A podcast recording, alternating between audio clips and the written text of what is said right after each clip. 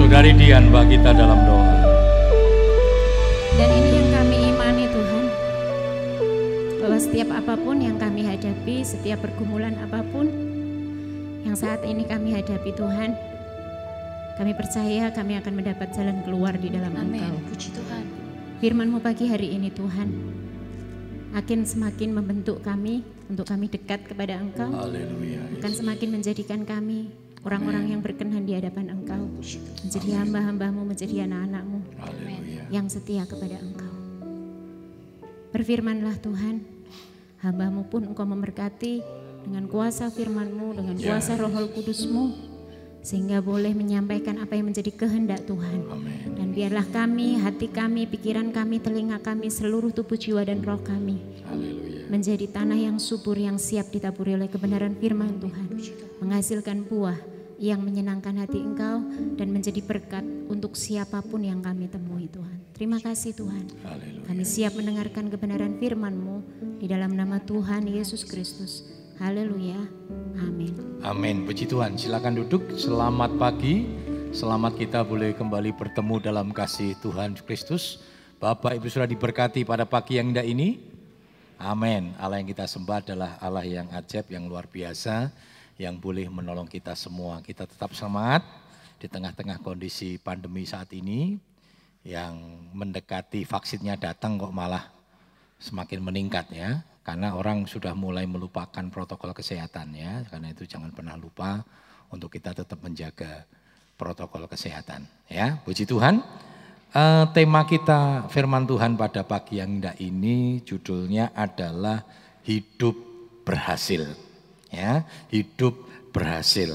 Coba kita lihat sama-sama di dalam Yosua 1 ayat 6 hingga yang ke-9. Saya undang kita bangkit berdiri bersama-sama. Kita akan membaca ayat ini secara bergantian. Saya akan membaca ayat yang genap. Bapak Ibu Saudara membaca ayat yang ganjil. Ya, demikian firman Tuhan. Kuatkan dan teguhkanlah hatimu, sebab engkaulah yang akan memimpin bangsa ini memilih negeri yang kujanjikan dengan bersumpah kepada nenek moyang mereka untuk diberikan kepada mereka.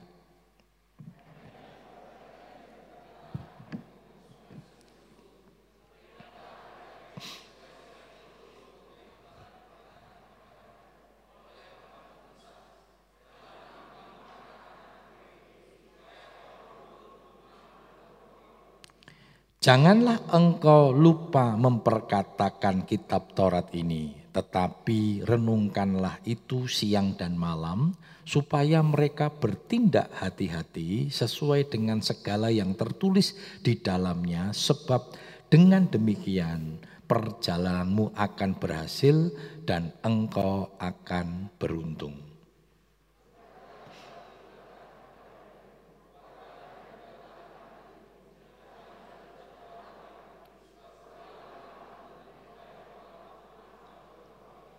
Puji Tuhan, silakan duduk.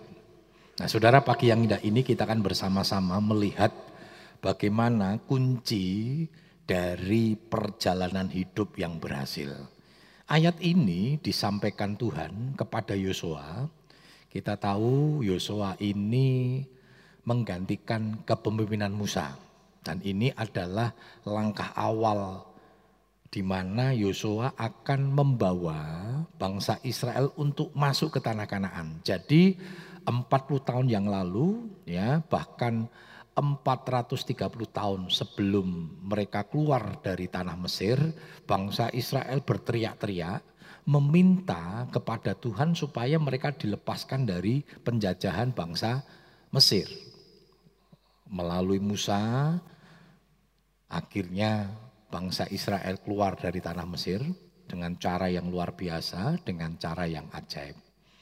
Ya, itu menjadi kerinduan bangsa Israel untuk masuk ke tanah Kanaan, tanah perjanjian. Tapi nanti kita lihat ternyata bangsa Israel harus beredar-edar, berputar-putar di padang gurun selama 40 tahun yang sebenarnya perjalanan dari Mesir menuju ke tanah Kanaan itu tidak membutuhkan waktu yang sangat lama.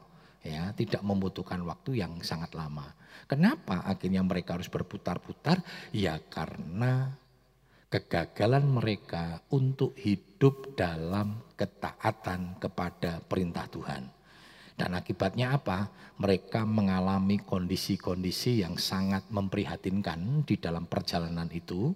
Ya, sering kali mengalami kegagalan-kegagalan. Nah, Yosua pada waktu ini akan memimpin bangsa Israel masuk ke tanah perjanjian dan dia punya pengalaman yang tidak enak untuk masuk ke tanah perjanjian. Ya, jadi 40 tahun yang lalu Yosua masih ingat dia bersama dengan Kaleb ya, yang membuat sebuah keputusan yang berbeda. Jadi kalau voting kalah Saudara ya. Jadi waktu itu voting 12 suara, 10 suara berkata jangan masuk ke tanah Kanaan, tanah perjanjian, tapi Yosua dan Kaleb dengan yakin berkata harus masuk ke tanah perjanjian. Ini bangsa Israel ini lucu saudara. 430 tahun berteriak-teriak minta supaya dilepaskan untuk kembali ke tanah perjanjian. Tanah perjanjian sudah di depan mata, mereka tidak mau masuk. Kan lucu sudah. Ini bangsa Israel ini luar biasa, makanya jangan heran sudah nanti kalau dalam perjalanan bangsa Israel itu Tuhan sering kali mengatakan ya memberi nama ini bangsa kacauan, bangsa, bangsa tegar tengkuk dan sebagainya ya uh, apa namanya? Karena apa? Luar biasa. Yang minta bangsa Israel sendiri teriak-teriak sama Tuhan, ya akhirnya dilepaskan. Nanti begitu menghadapi setiap persoalan nyalah Tuhan. Ya, mereka berkata lebih baik balik neng Mesir loh, wong sing jaluk metu mereka sendiri loh saudara. Tuhan sudah mengupayakan. Maya bayangkan sudah kalau Tuhan itu ususnya ora sudah ya. Ususnya enggak panjang ya. Karena katanya kalau orang sabar itu ususnya panjang sudah ya.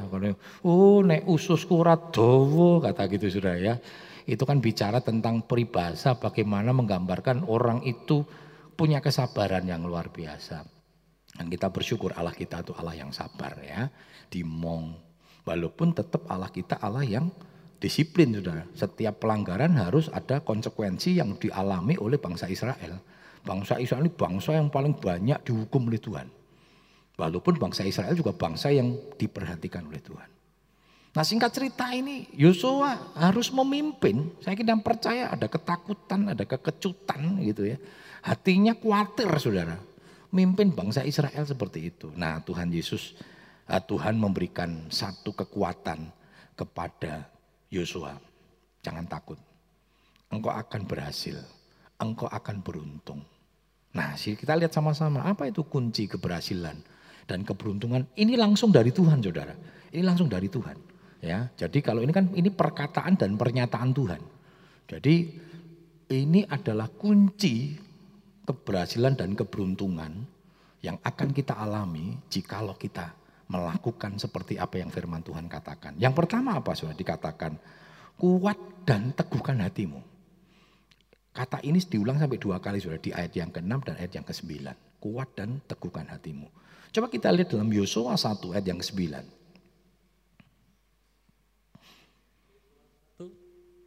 Yosua 1 ayat 9 Bukankah telah kuperintahkan kepadamu kuatkan dan teguhkanlah hatimu Janganlah kecut dan tawar hati, sebab Tuhan Allahmu menyertai engkau ke mana pun engkau pergi. Perhatikan saudara.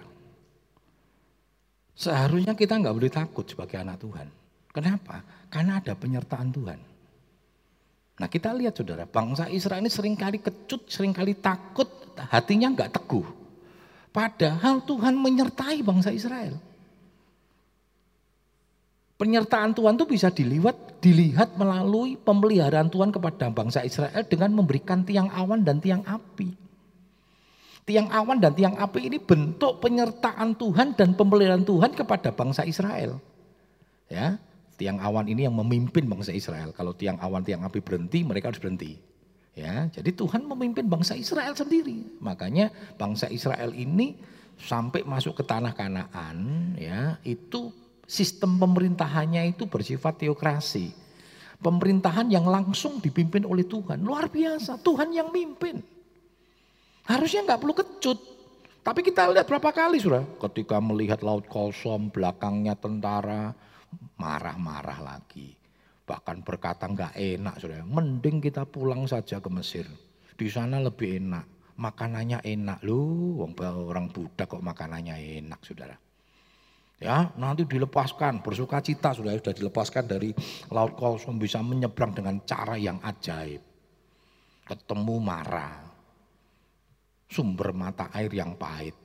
Marah-marah lagi. Waduh inilah bangsa Israel saudara. Waduh saudara-saudara saya nggak tahu saudara punya anak buah model begini, punya anak yang protes, protes, protes, protes. Padahal ditolong sudah. Nanti kita lihat ya. Tuhan kan tidak pernah berdiam diri. Tuhan selalu menolong. Itu bentuk penyertaan Tuhan saudara. Bentuk penyertaan Tuhan. Maka yang Tuhan mau dari Yosua, kuatkan dan teguh. Aku tuh menyertai kamu loh. Perjalanan 40 tahun ini ya, menghadapi berbagai macam rintangan, persoalan, tekanan ya, masalah makan, protes.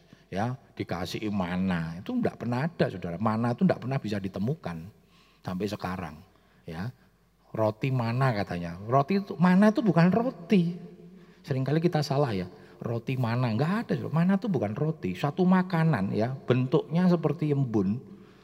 Kalau sekarang itu mungkin kayak aromanis. Mungkin wong saya tidak pernah makan juga sudah lembut seperti embun. Aromanis pernah tahu ya aromanis sudah. Tapi apakah seperti itu? Ya nggak ada yang tahu. Jangan cerita.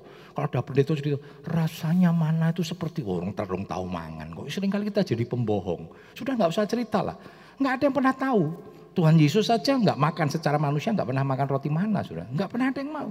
Karena setelah lepas dari padang gurun roti mana itu eh, sorry mana itu nggak pernah ada sudah. Nah saya ikut roti sudah ya. Roti mana itu kan ada banyak toko roti mereknya mana sudah ya. Roti mana bosen minta daging dikasih burung puyuh luar biasa ya wah enak tenan itu ya dikasih burung puyuh nah burung puyuh itu ternyata rabun senja sudah Ya, jadi kalau malam-malam itu dia terbang, dia tidak kelihatan nabrak-nabrak. Nah, nabrak-nabrak di perkemahannya bangsa Israel. Sudah. Waduh, luar biasa. Sampai Alkitab mencatat karena begitu roh kedagingannya itu muncul, karena keserakahannya muncul ketika menemukan burung puyuh yang bergelimpangan di perkemahan. Saudara harusnya dimasak dulu tapi karena sudah roh kedagingan saudara wakilnya burung puyuh dicoplak caplok coplak caplok saudara. Waduh mengerikan. Dan akhirnya Alkitab mencatat sudah banyak orang mati bukan karena kelaparan tapi karena ke kenyangan. Hati-hati sudah kuaregen kekenyangan itu bisa membuat orang mati saudara ya karena itu makan jangan kekenyangan lah makan secukupnya ya secukupnya. Dan ternyata itu habit saudara. Makan secukupnya itu habit, kebiasaan. Ya, kebiasaan ya. Saya ini punya kekuatan makan sebenarnya banyak sekali sudah. Makanya kalau ada staf-staf yang makannya, wow saya maklum sudah, saya pernah juga mengalami titik itu ya. Wah Indomie dua, masih pakai nasi, dikai sayur ya. Waduh gila nih, saudara kalau lihat gembalamu dulu gila nih sudah mangan nih. Tapi akhirnya kita menata hidup. Menata hidup ya. Akhirnya menata, kita makan, mulai mengurangi dan sebagainya. Sekarang nggak bisa sudah. Nggak bisa. Pengen banyak ya, kadang pengen ya, nggak bisa. Karena habitnya sudah begitu. Coro-coronya itu apa ya, perutnya itu sudah, wes orang mekar lagi sudah. Dulu kan dipaksa terus jadi, wah karetnya mengembang terus sudah ya. Karetnya mengembang, saya nggak bisa. Ya, kita nggak bisa. Kadang dengan Bu Ika gitu ya. Dulu saya minum kuat sekali, ya minum tuh selalu selalu kuat. Tapi kalau air putih saya masih kuat saudara ya. Saya berdua itu kadang separuh. Kadang Bu Ika tanya begini, cici pas separuh, satu pas separuh. Saya kadang pengen satu ya, satu. Wah enggak habis saudara ya.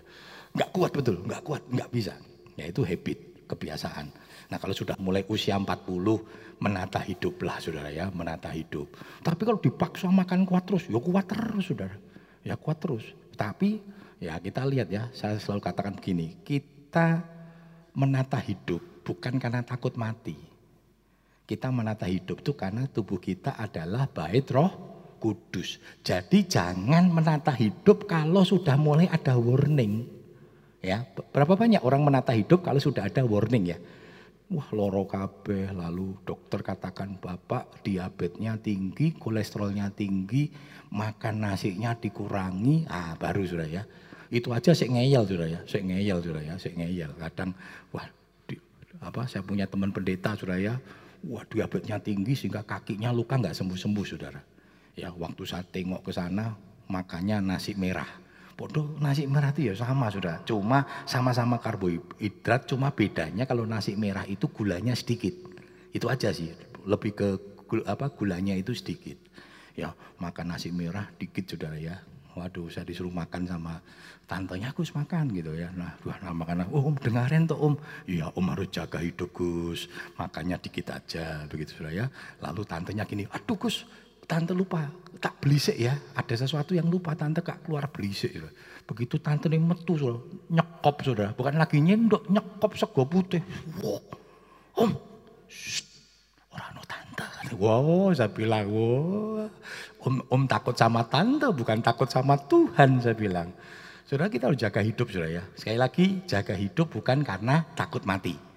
Jangan nanti mulai jaga hidup kalau sudah takut mati. Jangan, saudara. Ya, kita jaga hidup kita. Nah, saudara kembali. Nah, bagaimana kita bisa kuat dan teguh? Firman Tuhan ingatkan bahwa kita ini senantiasa disertai Tuhan. Oleh karena itu kita akan selalu kuat kalau kita di dalam Tuhan. Nah ini kuncinya saudara. Kalau kita tidak di dalam Tuhan nggak kuat. Bangsa Israel sering kali dia ngelawan Tuhan saudara. Hancur.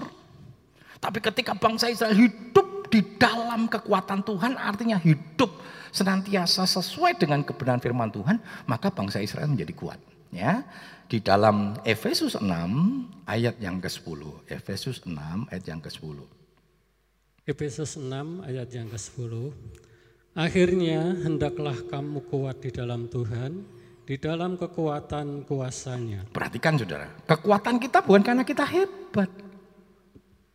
Kekuatan saya bukan karena saya pendeta, saya seorang hamba Tuhan yang hebat. Tidak saudara, maka banyak juga hamba Tuhan jatuh. Kenapa? Karena ketika dia tidak mengandalkan kekuatan Tuhan, saudara, kita lemah. Lemah, tidak mampu menghadapi hidup ini. Karena itu selalu andalkan kekuatan Tuhan. Andalkan kekuatan Tuhan, saudara. Karena di dalam Tuhanlah kita mendapatkan ke kekuatan. Jadi kekuatan itu bukan karena jabatan. Kekuatan itu ketika seseorang hidup di dalam kekuatan Tuhan. Maka dia akan memberi kekuatan. Dan kekuatan itu dahsyat saudara. Kita tahu Tuhan kita dahsyat, Tuhan kita luar biasa. Ya, tidak ada bagi Tuhan yang mustahil. Segala sesuatu bisa dilakukan dan dikerjakan. Karena itu andalkan kekuatan Tuhan. Ya, yang pertama apa saudara? Kuat dan teguh hati. Artinya kuat dan teguh hati itu tetap percaya kepada kekuatan Tuhan. Karena tadi Yosua diingatkan sama Tuhan bahwa aku menyertai. Kenapa kita kuat? Karena ada penyertaan Tuhan yang menyertai hidup kita. Karena itu jangan pernah takut sudah. Ada penyertaan Tuhan dalam hidup kita. Masih ingat ketika Yesus lahir ke dalam dunia, apa yang dia katakan?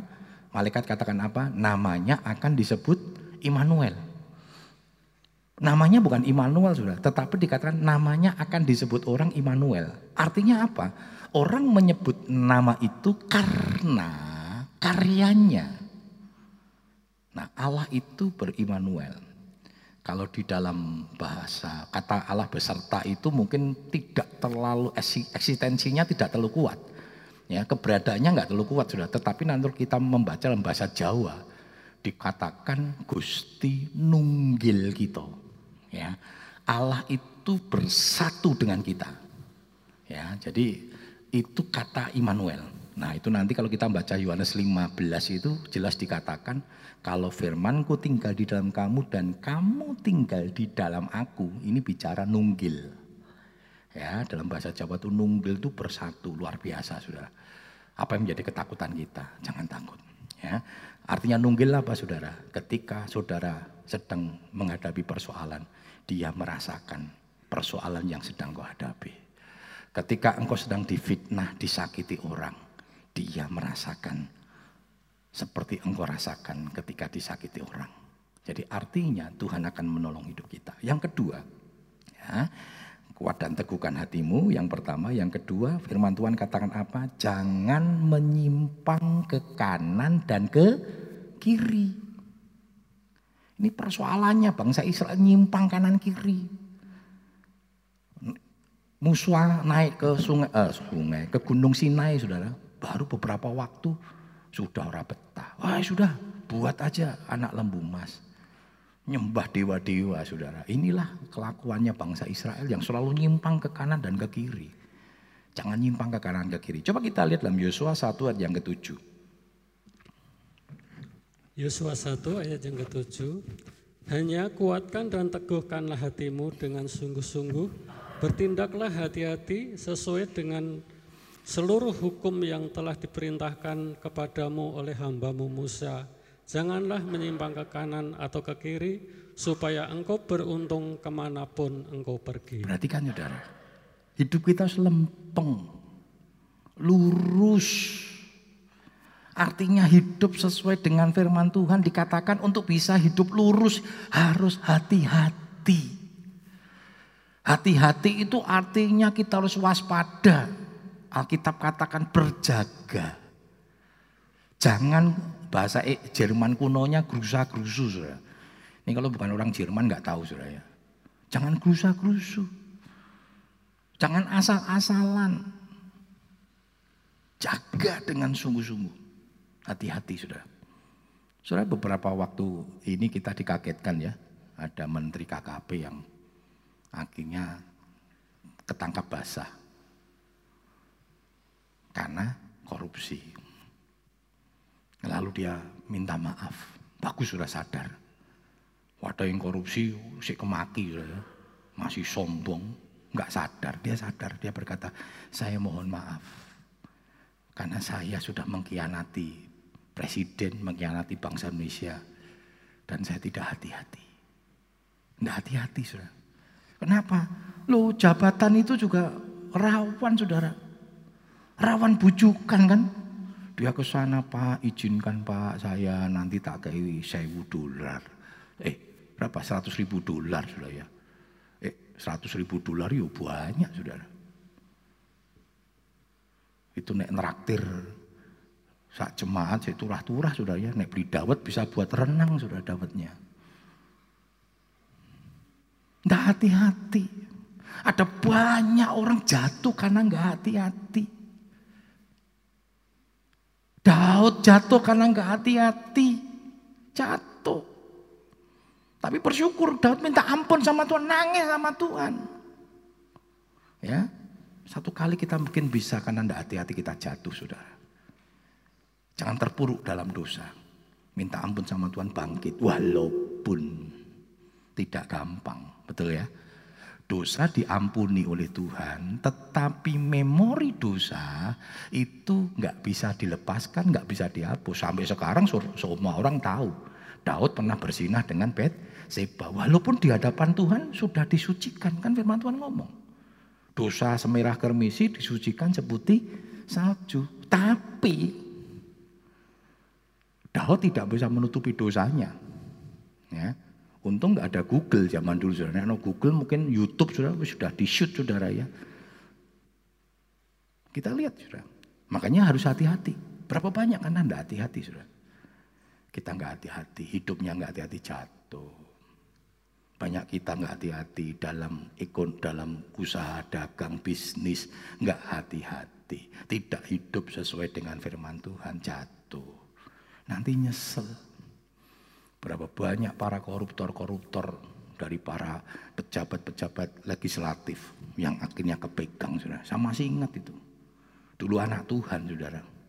Waktu dipegang alasannya, tolong minta dilepaskan melalui pengacaranya. Anak saya masih kecil. Bagaimana nanti masa depannya? Kok orang mikir waktu korupsi anaknya masih kecil? Dosa harus ada konsekuensinya dan hukum ada konsekuensinya, nggak bisa. Kalau mau ya anaknya dibawa di penjoro, nggak apa-apa. Ada saudara, karena dia punya anak, nggak ada ngopeni, anaknya ikut di penjara. Karena itu harus hati-hati. Bertindaklah hati-hati. Tapi mungkin kita satu, satu kali, maka disebut kilaf. Kadang manusia kilaf jatuh. Jangan terpuruk sudah bertobat minta ampun, bangkit kembali dan jangan lagi hidup di dalam dosa. Itu yang terpenting, Saudara. Jangan hidup di dalam dosa. Tapi jangan tobat lombok, Saudara ya. Kata tombak lombot itu, ah pedes, pedes, neng enak saudara. Sisuk juga lagi. Dio itu anak saya itu senang pedes saudara. Tapi sering kali perutnya nggak kuat. Hampir kena tipes kemarin itu kan perutnya kan bermasalah sudah ya. Uh, karena apa namanya uh, pencernaannya kan bermasalah. Seringkali kalau habis makan tek, apa perutnya tek, apa tegang apa itu kenceng sudah. Saya bilang sama maminya, makanya saya bilang kita sering bilang, makanya jangan pedes-pedes ton anu video, nanti perutmu ini, iya iya nggak pedes nggak pedes. Nanti begitu makan lihat sambel, orang kuat saudara. Waduh, itu lidahnya seperti saya. Kalau Noel itu seperti Bu Ika, Bu Ika kena sambal titik pedes sudah, nggak bisa. Nah saya ini kuat sudah, tapi sekarang dah perutnya nggak kuat. Ya, menjaga wis mulutnya tuh boleh sudah belang belang belang belang, tapi perutnya nggak kuat. Nah saya sering kali bilang sama Dio, Dio jangan. Nah itulah tobat lombok. Wah, sisuk mangan, waduh. Apalagi orang Indonesia sudah kerja ora keringetan, mangan keringetan sudah. Karena enggak ngerti sudah. Mangannya kalau sambal cobek, kalau sak cobek-cobek pedes jempret kabeh sudah. Wah, wah gitu tapi ya sih nambah terus itu. Nah, dosa itu jangan seperti itu, Saudara. Tobat, tobat, tobat. Besok ngelakoni lagi, lakukan lagi. Ya, seperti bangsa Israel yang seperti itu, Saudara. Kita harus bertobat. Jangan nyimpang kanan ke kiri. Saudara, kita harus tetap hidup benar di tengah angkatan yang bengkok. Hari-hari ini firman Tuhan gambarkan angkatan-angkatan yang bengkok. Dosa sudah dianggap sesuatu yang wajar, bahkan kalau orang tidak berbuat dosa dianggap itu abnormal. Dosa dianggap abnormal, ah, dianggap normal. Waktu berbuat dosa, hello, enggak apa-apa, anak Tuhan dosa-dosa dikit enggak masalah. Wih, nanti dulu sudah. Jangan main-main dengan dosa. Ya, coba kita lihat Filipi 2 ayat 14 sampai 15. Filipi 2 ayat 14 sampai 15. Lakukanlah segala sesuatu dengan tidak bersungut-sungut dan berbantah-bantahan supaya kamu tidak beraib di tidak beraib dan tidak bernoda sebagai anak-anak Allah yang tidak bercela di tengah-tengah angkatan yang bengkok hatinya dan yang sesat ini, sehingga kamu bercahaya di antara mereka seperti bintang-bintang di dunia. Perhatikan saudara, Alkitab katakan jangan berbantah-bantah. Ya. Jangan berbantah-bantah dan bersungut-sungut. Banyak firman Tuhan diperbantahkan. Firman Tuhan itu bukan untuk diperdebatkan, diperbantahkan, tetapi untuk dilakukan. Saya paling nggak senang sudah beberapa waktu yang lalu muncul di Facebook. Nah, saya takutnya kalau yang menerima itu jemaat yang tidak terlalu tahu tentang teologi. Jadi ada tantangan, judulnya perdebatan antara teologi ini dengan teologi ini. Apa sih hasilnya? Apa sih hasilnya? Tafsiran bisa berbeda, tidak apa-apa, sudah biarin aja. Yang penting jalankan firman Tuhan.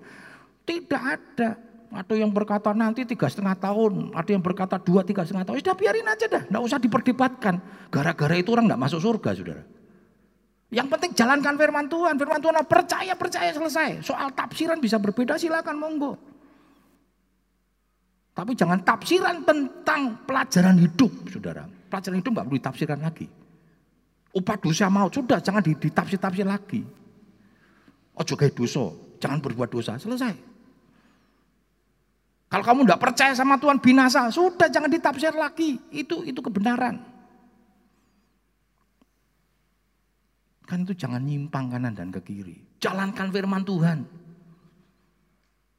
Sekarang banyak orang coba bengkok-bengkokkan saudara. Perdebatan-perdebatan yang tidak penting. Dalam dunia akademi silahkan, tapi jangan dibuat di forum. Kan orang nonton, jemaat nonton, jemaat bisa menjadi syak saudara. Karena nggak ngerti. Ya, karena saudara orang GPDI, ikutilah doktrin GPDI. Nggak usah diperdebatkan lagi. Ya, yang doktrin-doktrin itu sifatnya kan sifatnya contohnya tentang akhir zaman, eskatologi akan berbeda. GPDI berkata kuda putih ya yang menunggang berkat adalah pemenang. GPDI menyatakan kuda putih itu adalah Yesus. Gereja lain berkata itu antikris. Ya sudah rasa diributkan. Itu kan namanya tafsiran saudara. Silakan. Tapi kalau bicara tentang kebenaran tidak bisa berbeda. Yesus satu-satunya jalan keselamatan. Titik.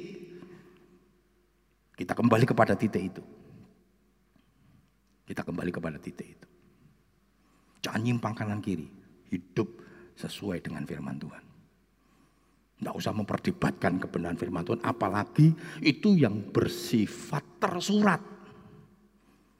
Tersurat itu artinya jelas. Ada yang tersirat. Nah tersirat itu biasanya perlu penggalian-penggalian teologis. Makanya saya harus hati-hati saudara. Kalau untuk menggali sesuatu harus kita betul-betul digali dengan sungguh-sungguh. Firman Tuhan katakan awasilah aja ranmu. Tidak boleh menyimpang. Sekarang dan itu tafsirannya baru tidak boleh tafsiran karpe dewe sudah. Yang namanya ilmu hermeneutik ilmu menafsir, itu ada panduan-panduannya yang kuat. Tidak boleh asal ilmu gotak gatuk saudara. Itu kebenaran firman. Tetapi saya bersyukur untuk itu dalam konteks akademis ya. Itu ada beberapa yang perlu digali secara hermeneutik. Tetapi Alkitab itu sesuatu yang bersifat tentang pelajaran hidup. Itu clear. Artinya semua tersurat. Enggak perlu ditafsir-tafsir lagi, sudah. Jalankan firman Tuhan secara. Enggak usah ditanya. Perkawinan beda agama boleh enggak? Enggak usah tanya lagi. Kalau ada yang tanya ini bayi rohani, saudara. Om boleh enggak om? Enggak perlu dijelaskan. Alkitab jelas. Kalau masih ada orang Kristen tanya, om boleh enggak kawin beda agama? Itu namanya bayi rohani. Wong Alkitab jelas katakan. Janganlah jadi pasangan yang tidak seimbang. Jelas katakan. Bagaimana antara terang dan gelap itu bersatu? Jangankan saudara, jangankan kekristenan. Negara kita aja tidak pernah mengizinkan perkawinan beda agama. Negoro saja itu tidak boleh sudah. Berapa banyak sering kali kita ngeyel. Ada yang ngomong sudah. Om saya nggak apa-apa, saya nikah dengan dia walaupun dia Islam. Tapi iman saya kuat katanya. Lu wong sudah melanggar firman Tuhan kok ibu. Imanmu kuat dari mana? Kamu kan sudah melanggar firman. Waktu Tuhan berkata tidak boleh jadi pasangan yang tidak seimbang. Kamu melanggar. Bagaimana imanmu berkata kuat? Imanmu sudah nggak kuat. Jangan nyimpang. Jangan nyimpang. Dan jangan tanyakan, tidak perlu dipertanyakan. Dulu ada sudah. Waktu saya di kota Jakarta. Ada satu Jumat tanya begini. Om Agus, boleh nggak nikah beda agama? Saya mau jawab, saya bilang. Menurut kamu boleh nggak? Saya bilang.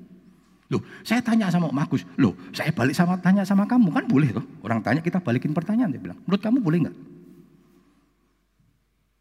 Ya sebenarnya nggak boleh ya Om. Katanya, loh lah sudah mau jawab Dewi. Tanya lagi ngapain kamu tanya ke saya? Tapi, oh dia bilang tapi, rasa tapi, boleh nggak? Ya sebenarnya nggak boleh om, tapi ngeyel tapi loh sudah. Nah, nggak usah tapi, boleh tidak titik. Alkitab itu, firman Tuhan itu kebenaran itu absolut. Absolut itu begini sudah. Ya tidak, nggak ada abu-abu. Ya tidak, nggak ada abu-abu. Jelas. Akhirnya tanya, ya tapi mesti ngeyel tapi. Ya udah, tapi apa? Tapi saya cinta lah. Itu masalahnya cintamu itu. Apakah cinta datangnya dari Tuhan? Tidak. Cinta itu diopeni. Betul nggak sudah? Makanya jangan heran sudah ya. Pacaran, wah cinta tenanan, begitu situ selingkuh langsung mati. Betul nggak sudah? Karena itu kasih itu didasar, cintamu harus didasarkan kepada kasih Kristus. Kasih Kristus itu clear. Kasih Kristus itu objektif. Jangan menyimpang ke kanan ke kiri. Ya, ada banyak. Om korupsi boleh enggak om? Rento. Enggak usah tanya. Alkitab sudah ngomong. Kalau ada tanya lagi korupsi boleh enggak ya om? Loh di kantor saya banyak. Lah biarin aja. Karena firman Tuhan ngomong, kita harus benar di tengah angkatan yang bengkok. Berarti kan kita ini enggak banyak. Yang banyak itu bengkok. Nah saudara harus lempeng. Itu firman Tuhan. Kita harus berani sudah berjalan hidup dalam kebenaran walaupun sendiri. Sadak Mesak Abednego sendiri, ya kan? Daniel sendiri melawan. Nanti kalau kita lihat, Musa menghadapi bangsa Israel, tapi dia belajar lempeng sudah. Dan saya kira percaya banyak di, di kantormu ya, di kantor kita. Kalau, kalau Bapak, Bapak sudah lihat cek, banyak lempeng pak yang bengkok. Anak-anak muda di kampus banyak lempeng atau bengkok? Dalam dunia pekerjaan banyak yang lempeng atau bengkok. Bapak Saudara marketing-marketing banyak yang lempeng atau bengkok sudah. Tapi tidak bisa berkata, ya karena banyak yang lempeng, eh, banyak yang bengkok, ya saya melu bengkok. Ah, bengkok hati sudah. Firman Tuhan sudah ingatkan ya, jangan nyimpang kanan ke kiri. Yang ketiga, ya, yang pertama kuat dan teguh. Dua, jangan menyimpang. Ketiga, hidup dalam kebenaran firman Tuhan hidup dalam kebenaran firman Tuhan. Yosua 1 ayat yang ke-8. Yosua 1 ayat yang ke-8. Janganlah engkau lupa memperkatakan kitab Taurat ini, tetapi renungkanlah itu siang dan malam, supaya engkau bertindak hati-hati sesuai dengan segala yang tertulis di dalamnya, sebab dengan demikian perjalananmu akan berhasil dan engkau akan beruntung. Perhatikan saudara, ya Firman Tuhan ingatkan supaya kita tidak lupa memperkatakan kitab Taurat, renungkan, dan kita harus bertindak hati-hati sesuai ya, sesuai dengan segala tertulis di dalamnya. Supaya apa sudah? Supaya hidupmu berhasil. Ini kunci sudah. Hidup dalam kebenaran firman Tuhan. Kita orang Kristen ya hidupnya sesuai dengan firman Tuhan Alkitab kita. Alkitab itu adalah pernyataan Allah yang tertulis. Kita bisa mengerti Tuhan, mengerti maksud Tuhan melalui fir, firman Tuhan. Dan lakukan firman Tuhan dengan total. Seperti Nuh ketika mendapatkan perintah walaupun sulit tetapi Alkitab berkata apa? Nuh melakukan tepat.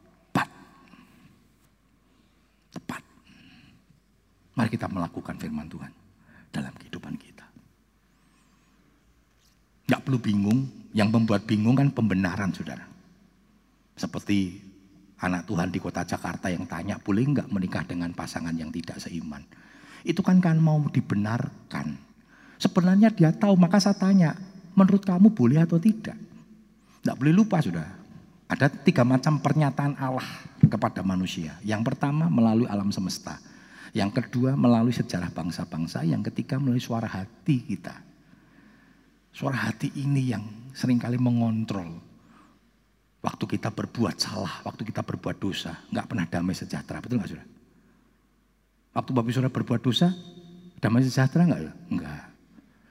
Waktu saya sekolah dulu pengen nirun saudara.